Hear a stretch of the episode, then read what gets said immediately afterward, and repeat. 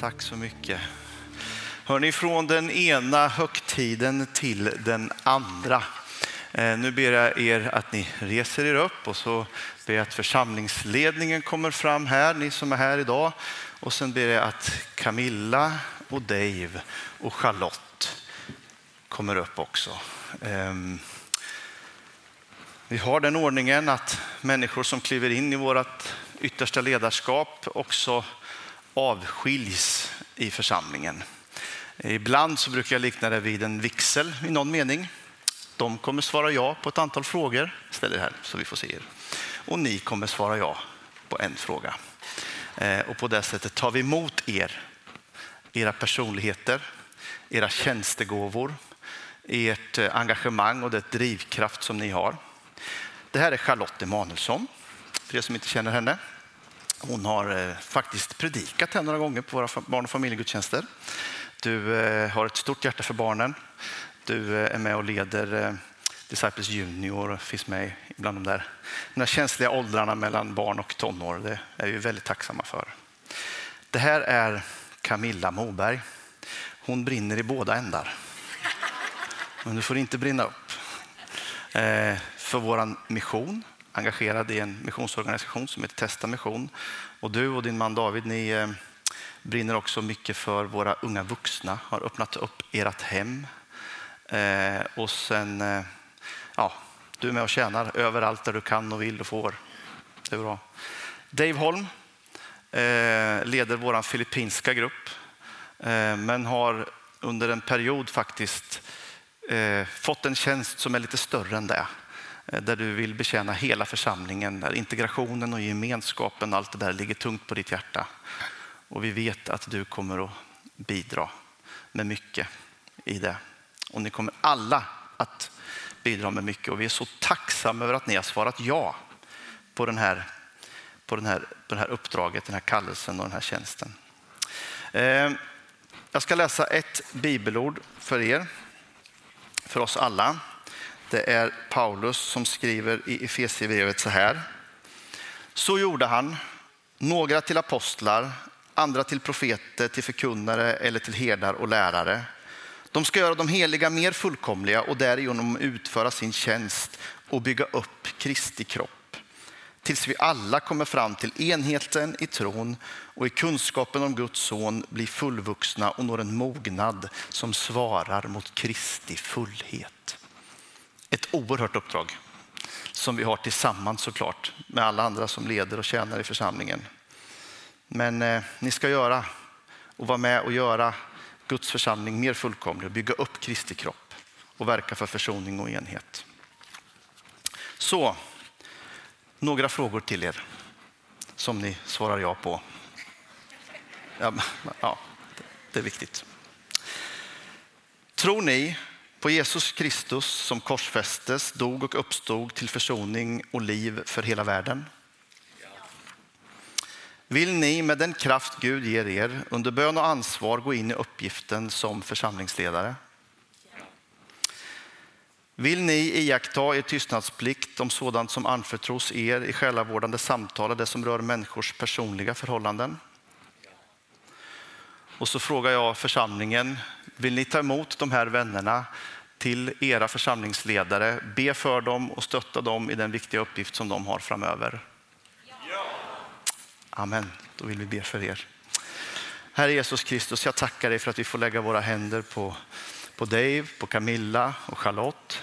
Jag tackar dig för att du har kallat dem med en helig kallelse. Du har talat in i deras hjärtan och de kliver in i den här tjänsten. Kanske känner de bävan blandat med förväntan och, och, eh, och glädje. Men Herre, tack att det är du som skickliggör oss. Det är du som ger oss av dina gåvor och jag ber att deras tjänstegåvor ska få blomma i vår församlingsgemenskap. Att de ska få känna glädje i det de gör, att de ska få känna trygghet och jag ber om ett särskilt beskydd över deras familjer också, Herre.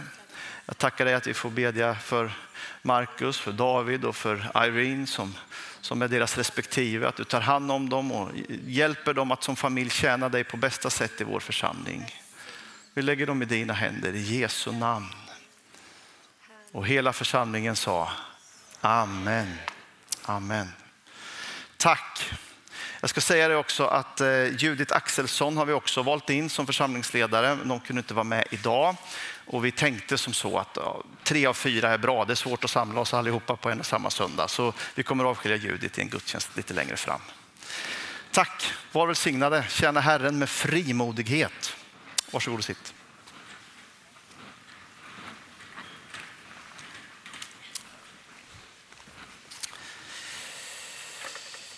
Då så har vi kommit fram till det sista kapitlet i vår eh, predikoserie om eh, det andra Timoteusbrevet. Eh, den fängslade Paulus som skickar anvisningar och uppmuntran till sin yngre adept Timoteus. Och eh, när vi nu kommer till det här sista kapitlet så eh, slog det mig en sak. Det här är troligtvis det sista vi har från Paulus penna i vår bibel. Det här är det sista han skriver. Det vet ju han inte om. Eh, och han, är inte, han är nog medveten om att hans liv börjar ta slut. Men att det skulle bli en helig skrift av det han och de andra lärjungarna skrev, det visste han ju inte om. Men Gud visste om det. Och Gud har haft sitt hand över sitt ord. Och för mig så så blev en sak tydlig när jag läste det här kapitlet. Ingenting kan stå emot evangeliet.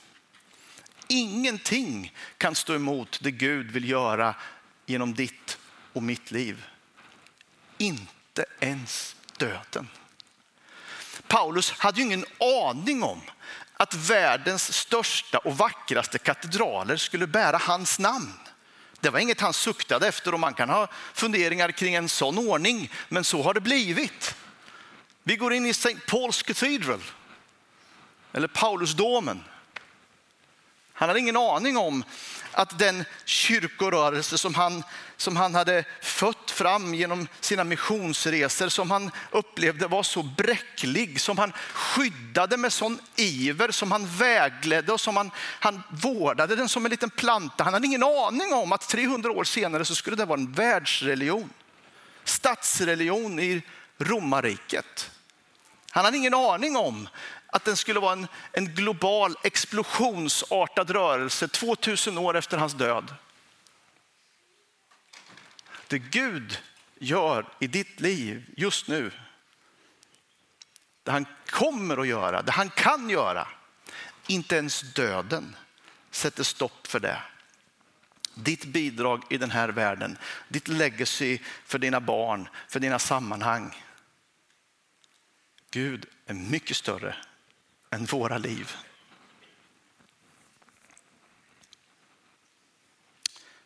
Jag vill faktiskt läsa hela det sista kapitlet. Det är ett ganska kort kapitel och det är fullt av känsla och passion ifrån en trött, åldrad, kanske sliten Paulus och hans ord till sin adept som finns där ute i frihet och hans ord ifrån en cell någonstans i Rom.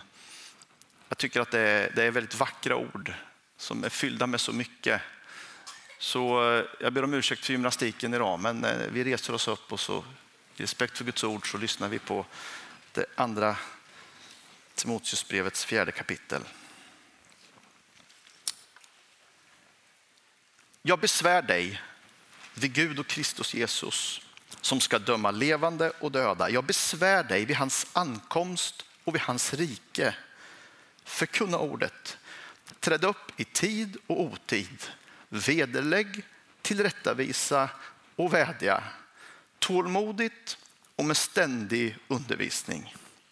Det kommer en tid då människorna inte längre vill lyssna till den sunda läran utan skaffar sig den ene läraren efter den andra därför att det kliar i dem att få höra sånt som de önskar. De slår dörrövat till för sanningen och vänder sig till legenderna. Men håll huvudet kallt. Var beredd att slita ont. Gör vad som åligger en förkunnare och fullfölj din tjänst. Mitt eget liv det utgjuts redan som ett offer och tiden är inne då jag måste bryta upp. Men jag har kämpat den goda kampen. Jag har fullbordat loppet och jag har bevarat tron. Nu väntar mig rättfärdighetens segerkrans som Herren, den rättvise domaren ska ge mig den dagen. Och inte bara mig, utan alla som längtar efter hans ankomst. Försök komma hit snart. Demas har av kärlek till denna världen övergett mig och rest till Thessalonike. Kresens har farit till Galatien och Titus till Dalmatien. Bara Lukas är kvar hos mig. Ta med dig Markus hit. Han är till god hjälp i mitt arbete. Tychikos har jag skickat till Efesos. När du kommer, ha då med dig manteln som jag lämnade kvar i Troas och Skarpos och så böckerna, framför allt mina häften. Smeden Alexandros har gjort mig mycket ont. Herren ska vedergälla honom efter hans gärningar. Akta dig också du för honom. Han har gjort häftigt motstånd mot vår förkunnelse. När jag första gången stod inför rätta trädde ingen upp till min hjälp. Alla svek mig. Måtte de inte behöva göra räkenskap för det. Men Herren bistod mig och gav mig kraft att fullfölja förkunnelsen för att alla hedningar skulle få höra den. Och jag räddades ur lejonets skap. Ja, Herren ska rädda mig från allt ont och hjälpa mig in i sitt himmelska rike. Hans är härligheten i evigheters evighet. Amen. Hälsa Priska och Aquila och Onesifors familj. Erastos stannade kvar i Korint och Trofimulos var sjuk och honom lämnade jag i Miletos. Försök att komma före vintern. Ebulos och Pudens, Linos, Claudia och alla bröder hälsar dig. Herren är med din ande. Nåd åt er alla. Herre välsigna detta ord jag ber. Tala till oss idag. Eh, vi, eh, vi vet att du är här i detta rummet. Vi vet att du har ett ärende till oss. Och jag ber om, om ehm, frimodighet och vishet. Att förkunna ordet på ett rätt och riktigt sätt. I ditt namn vi ber. Amen. Amen.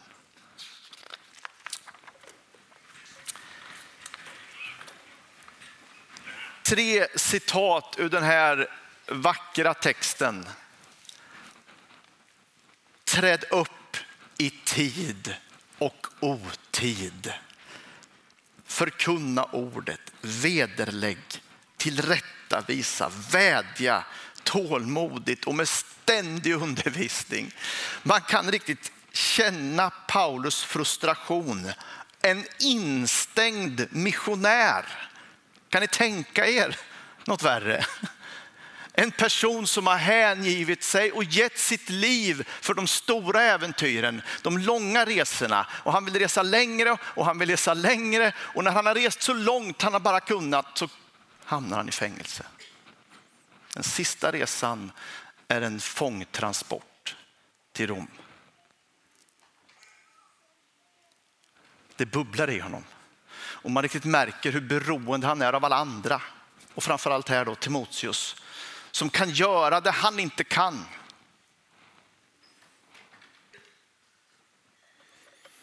Jag tänker så här.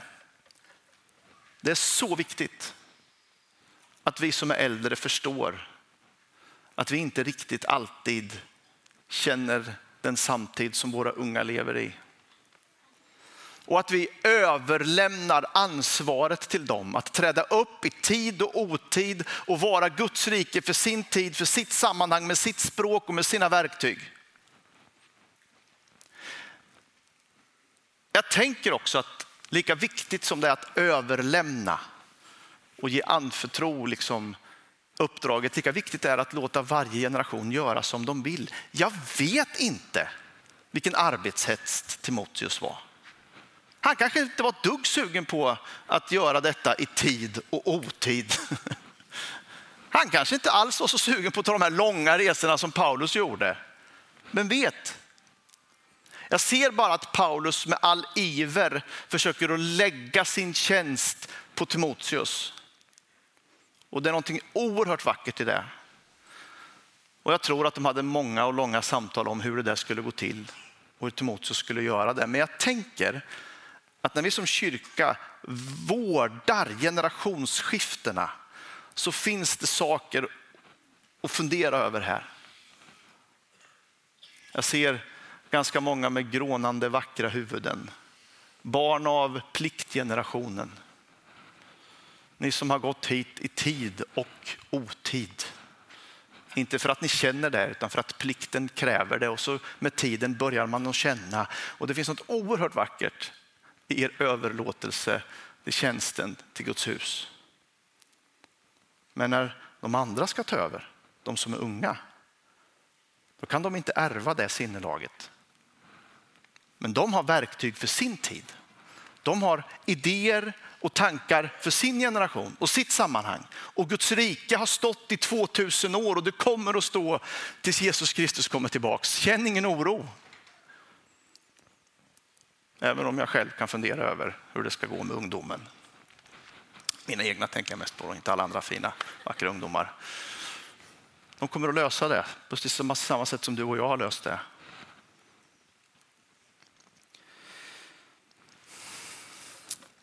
Idag finns det en oerhörd skepsis mot kyrkan som lärosäte. Det finns en skepsis gentemot auktoriteter. Lärare känner av det, politiker känner av det, kyrkliga institutioner har också sedan länge förlorat sin auktoritet i det här samhället. Du ska inte lägga dig i mitt liv. Jag gör vad jag vill. Jag söker vägledning möjligtvis, jag kanske söker en sanning, men jag söker den där det passar mig. Kom inte och lär mig. Jag är min egen lärare, min egen auktoritet. Ändå är den heliga andes gåvor till församlingen lärarens gåva bland annat. Att undervisa och att utlägga skrifterna. Hur ska vi återta rollen som en lärande institution? Hur ska kyrkan bli en plats som vederlägger, undervisar, tillrättalägger och vädjar? Jag tror på den heliga dansen. Jag tror att kärleken till Gud blir en kärlek till hans son. Och kärleken till Jesus Kristus är också en kärlek till hans ord och till hans församling. Jag tror på den heliga dansen. Och vart du börjar, det vet inte jag. Kanske börjar du med ett idogt bibelstudium. Kanske börjar du med en gudsupplevelse, kanske börjar du i tomhet och söker någonting. Jag vet inte, men, men jag tror på att dras in i den där heliga dansen. Kärleken till Gud, kärlek till hans son, kärlek till församlingen. Och så säger Bibeln att Jesus Kristus är ordet. För jag tror att vi behöver förkunna i vår tid. Jag tror exempelvis att vi måste hitta ett nytt språk för synden. Jag tror det är jätteviktigt att vi hittar ett nytt språk för synden. Igår så hörde jag talas om den norske psykologen Ole Jakob Madsen. Googla gärna honom. Han menar utifrån helt sekulära preferenser att vi lever i ett samhälle som inte längre pratar om synd. Och vet ni vad som har tagit syndens plats i vårt samhälle? Skammen. Och det är inget bra byte. Det bryter ner ett folk att gå runt och känna skam för sina handlingar. Det bryter ner ett land att inte kunna svara på frågor varför jag är så oförmögen att göra det som jag vet är gott. Och varför jag går destruktiva vägar. Vad är det för någonting? Och om vi är tysta, om vi inte pratar om vad det är, om vi inte pratar om synden, då står människan ensam kvar med skammen. Och det finns skill skillnaden på synd och skam, det är att skammen den äter upp och den bryter ner. Synden finns det en lösning på. Synden har Jesus Kristus tagit på korset. Synden går att få förlåtelse för. Någonstans utanför dig själv. Och vi behöver få ett nytt språk för synd i vår tid. För så fort vi använder det så är det vi som skammar. Då är det vi som skuldbelägger. Då är det vi som ser åt folk hur dåliga de är. Medan Bibelns tal om synden är en befriande verklighet för var och en som tror. Vederlägg, tillrättavisa, vädja, tålmodigt med ständig undervisning. Winnie talade så fint om det här i söndags och vill ni få praktiska tips kring hur man ska läsa sin bibel så lyssna på förra veckans predikan. Jag har kämpat den goda kampen, säger Paulus. Jag har fullbordat loppet, jag har bevarat tron och nu väntar mig rättfärdighetens segerkrans som Herren, den rättvise domaren, ska ge mig den dagen. Och inte bara mig, utan alla som längtar efter hans ankomst. Den här helgen har jag tillbringat med eh, tio stycken andra medelålders män i min egen ålder. Och då tänker ni så här, han har inte haft det roligt, tänker ni. Det låter som en, en sorglig samling. Jag har haft den bästa helgen i mitt liv, om ni tar lite, lite pastors eh, liksom, eh, överdriven på det. Men just nu känns det faktiskt så. Jag har varit med om någonting helt fantastiskt. Jag har varit med om att människor sänker sin gard, är helt uppriktiga och ärliga med hur man har det, berättar precis hur det är ställt i livet och tar sig en ordentlig funderare kring när man är där jag är runt 50-strecket. Hur vill jag styra mitt liv? Vem är jag? Var kommer jag ifrån? Vad kan jag? Och hur vill jag maximera det för att skapa den framtid som jag vill? Hur vill jag betjäna mina medmänniskor? Vilken spelare vill jag vara i samhället? Hur vill jag att min familj ska prata om mig? Hur vill jag att människor ska tala om mig på min begravning eller min 80-årsfest? Och det har varit den bästa helgen på lång, lång tid. Och så läser jag Paulus och så ser jag att han också gör någon sorts utvärdering, någon sorts reflektion över sitt liv. Nu är det snart slut. Han vet att döden väntar. Men så säger han att jag har bevarat tron. Jag har fullbordat loppet. Och nu ska jag få segerkransen. Paulus har grundat många församlingar. Han har sett tusentals människor komma till tro. Han har överlevt skeppsbrott. Han har offrat allt för evangeliet. Men han tar inte på sig offerkoftan. Han skryter inte heller med sina bedrifter utan han säger att han har bevarat tron. När han gör en summering över sitt liv så säger han bara jag har bevarat tron.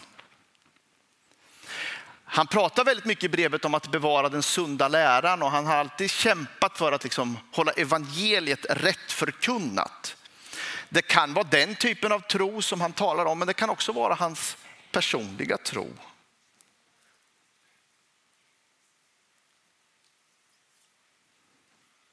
Att bevara kan ibland vara långt mer värt än att utveckla. Jag tror att bevara kan vara mer värt än att förnya. Om det du har är äkta och genuint, bevara det. Vad har du i ditt liv som är värt att bevara? Hur ser din tro ut? Vad betyder den för dig? Din kristna tro, din kristna identitet. Jag var ganska fördomsfull när jag åkte till den här helgen. Jag skulle möta ett antal vita medelålders män då, mitt i karriären. En del av dem hade lyckats ganska så bra. Eh, men du vet, vi pratade ingenting om sånt. Vad vi hade gjort, vad vi hade åstadkommit. Det var som om allt det var helt oviktigt. Vem är du? Vad har du för framtidsmål med ditt liv? Vad vill du med ditt liv? Helt andra typer av frågor. Paulus har fullbordat loppet. Han säger inte att han har vunnit loppet. Ehm, även om hans penna i första Korintierbrevet 9.24 är lite vassare. Ni vet att alla löparna i en tävling springer men bara en får priset. Löp då för att vinna det, säger han. En något yngre Paulus, en något ivrigare Paulus. Här har vi någon som nöjer sig med att ha fullbordat loppet. Jag kom i mål med de föresatser jag hade. Jag gjorde mitt bästa. Här är jag. Hur vet man att man vunnit på riktigt? Visst kan det vara så att man vunnit diskussionen eller man har vunnit statusjakten eller den sociala trappan. Men på insidan så vet man att den vinsten kanske inte gjorde att man vann på riktigt. Att fullborda loppet kanske handlar om att troget stå fast vid det som man uppfattar vara ens plats på jorden. Att troget stå fast vid dina värderingar, det som är viktigt för dig. Att inte låta dig föras med av samtidens alla vindar. Fullborda ditt lopp. Och så sitter han där. Han fryser, tror jag. Men han vädjar till Timoteus att komma före vintern och ta med dig manteln. Det börjar bli kyligt här nu. Det börjar bli ensamt. Och i den ensamheten, i det mörkret, så säger han att nu väntar rättfärdighetens segerkrans på mig. Han sitter där i mörkret som världens förlorare och utropar sig själv till segrare. Jag tycker det är underbart. Och om du ska komma ihåg någonting av det jag säger idag, så är det detta. Att du kan sitta i vilken källarskrubb som helst. Du kan sitta i vilket trångt utrymme som helst. Själens tumskruvar kan vara åtdragna till max i ditt liv. Du kan känna ångest dag och natt. Men så länge du bara riktar Gud en enda tanke, så länge du bara lägger ditt liv i hans händer så väntar rättfärdighetens segerkrans på dig. Du är en vinnare. Du är en vinnare. Och att vi väntar på rättfärdighetens segerkrans gör ju någonting med oss i den här tiden, eller hur? Jag önskar att alla människor såg sig som vinnare i Guds ögon. Tänk att han har skapat mig. Han har skapat mig med ett syfte. Han har skapat mig med en förmåga att känna kärlek och glädje och tillhörighet och mening i det här livet. Och om jag så än för en stund skulle vara fången i sjukdom eller till och med möta döden eller omständigheter som jag inte rår över, om de skulle kuva mig till den mildaste grad att jag är instängd i en fuktig liten fängelsecell så kan jag från djupet av mitt hjärta knäppa mina händer. Och kungars kung och herrars herre är närvarande i det rummet. Och jag kan säga, du väntar mig rättfärdighetens segerkrans. Jag ska resa mig ur detta. Om det så är min död så vet jag att rättfärdighetens segerkrans väntar mig och de frön av tro jag har planterat i det här livet, de kommer växa. Ditt rike kommer gå fram, för det handlar inte om mig, utan det handlar om honom.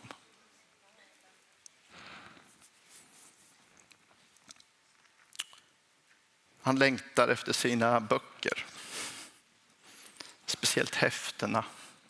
Jag undrar vad han hade i de där häftena. Kanske var det Jesus citat. Eller kanske var det invecklade tankar som han själv hade formulerat någon gång. Som man ville att de skulle... Jag tycker det är intressant. Att när man är i en, i en instängd situation så är det tankegods man vill ha. Det är böcker, det är ord, det är formuleringar. I vår heliga skrift finns ett universum att utforska ett universum av upptäckter, av glädje, av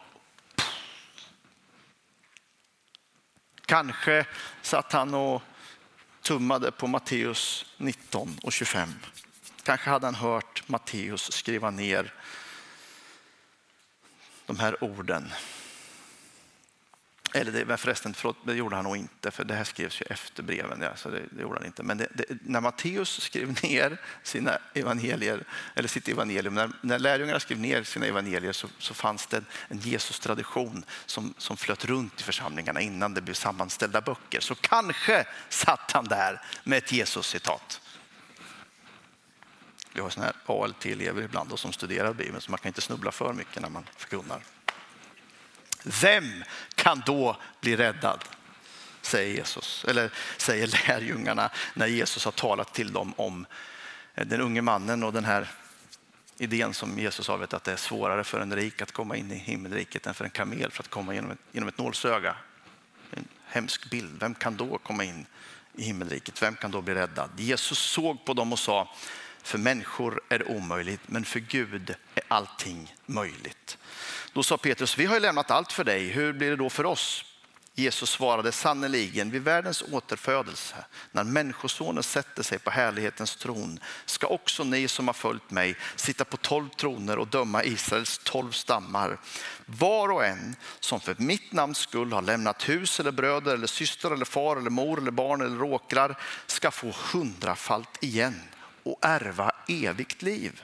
Många som är sist ska bli först och många som är först ska bli sist. Det här är och kommer alltid att vara Guds märkliga matematik. Att den, den skala vi har för att värdera varandra, vad du har lyckats åstadkomma, vem du är, vad du har på banken eller vad du har i, ditt, i din blick. Hur du, liksom, du vet, vi sätter, Gud tittar aldrig på oss med de ögonen. Han tittar på vad du har i ditt hjärta, var du har placerat dig själv. Och om du så är den mest utskrattade, fattigaste människa i Malmö som har gett ditt liv till Gud så kommer du att kunna få rättfärdighetens segerkrans. Och i Guds rike kan du vara den största ledaren, den som åstadkommer mest för hans rike.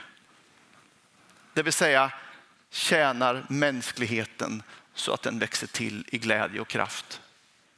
Vem du än är, vem du än är, låt inte denna tidens måttsnöre när det gäller utbildning eller inkomst eller vart du bor i den här stan definiera dig.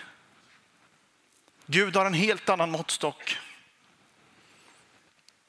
Och du kan ikläda dig rättfärdighetens segerkrans när som helst. Ligger du nere för räkning, ser du inget hopp, Segerkransen väntar på dig.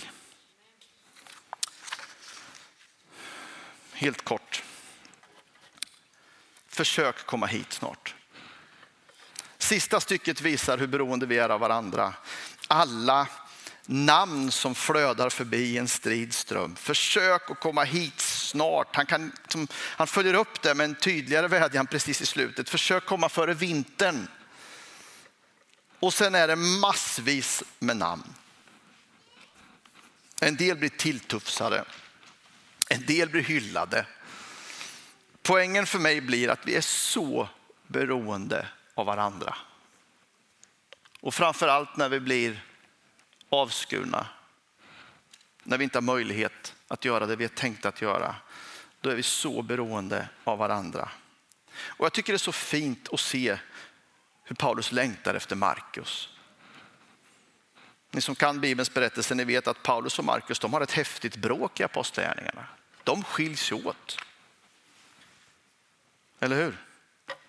Barnabas ville att Johannes som kallades Markus skulle följa med, men Paulus hävdade att den som hade övergett dem i Pamfylien och inte stannat hos dem i deras arbete, den skulle de inte ha med sig. Du får inte följa med. Och det kom till ett så häftigt uppträde att de skildes åt. Det är nästan som man känner att de ryckte säkert ihop. Barnabas tog med sig Markus och seglade över till Cypern. kan ni läsa i Apostlagärningarna 15. Men nu är tongången en helt annan. Ta med dig Markus. Han är till god hjälp i mitt arbete. Man kan försonas, hörni. Man kan be om förlåtelse. Man kan säga att det där jag gjorde, det var inte rätt. Och man kan börja om.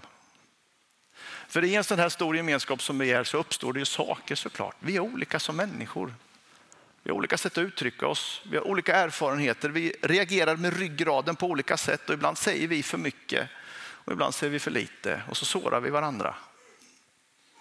Men det finns hopp för evangeliet är försoning och vi behöver varandra om vi ska fullborda det här loppet, om vi ska bevara den här tron. Om vi ska bli den kyrka som jag tror Gud har kallat oss att vara i den här staden så behöver vi varandra. Jag tycker att det är så vackert. Paulus vädjan i livets slutskede. Kom till mig, var nära mig. Jag behöver dig. Ibland är det lätt att tro att han inte behövde någon, men det gjorde han.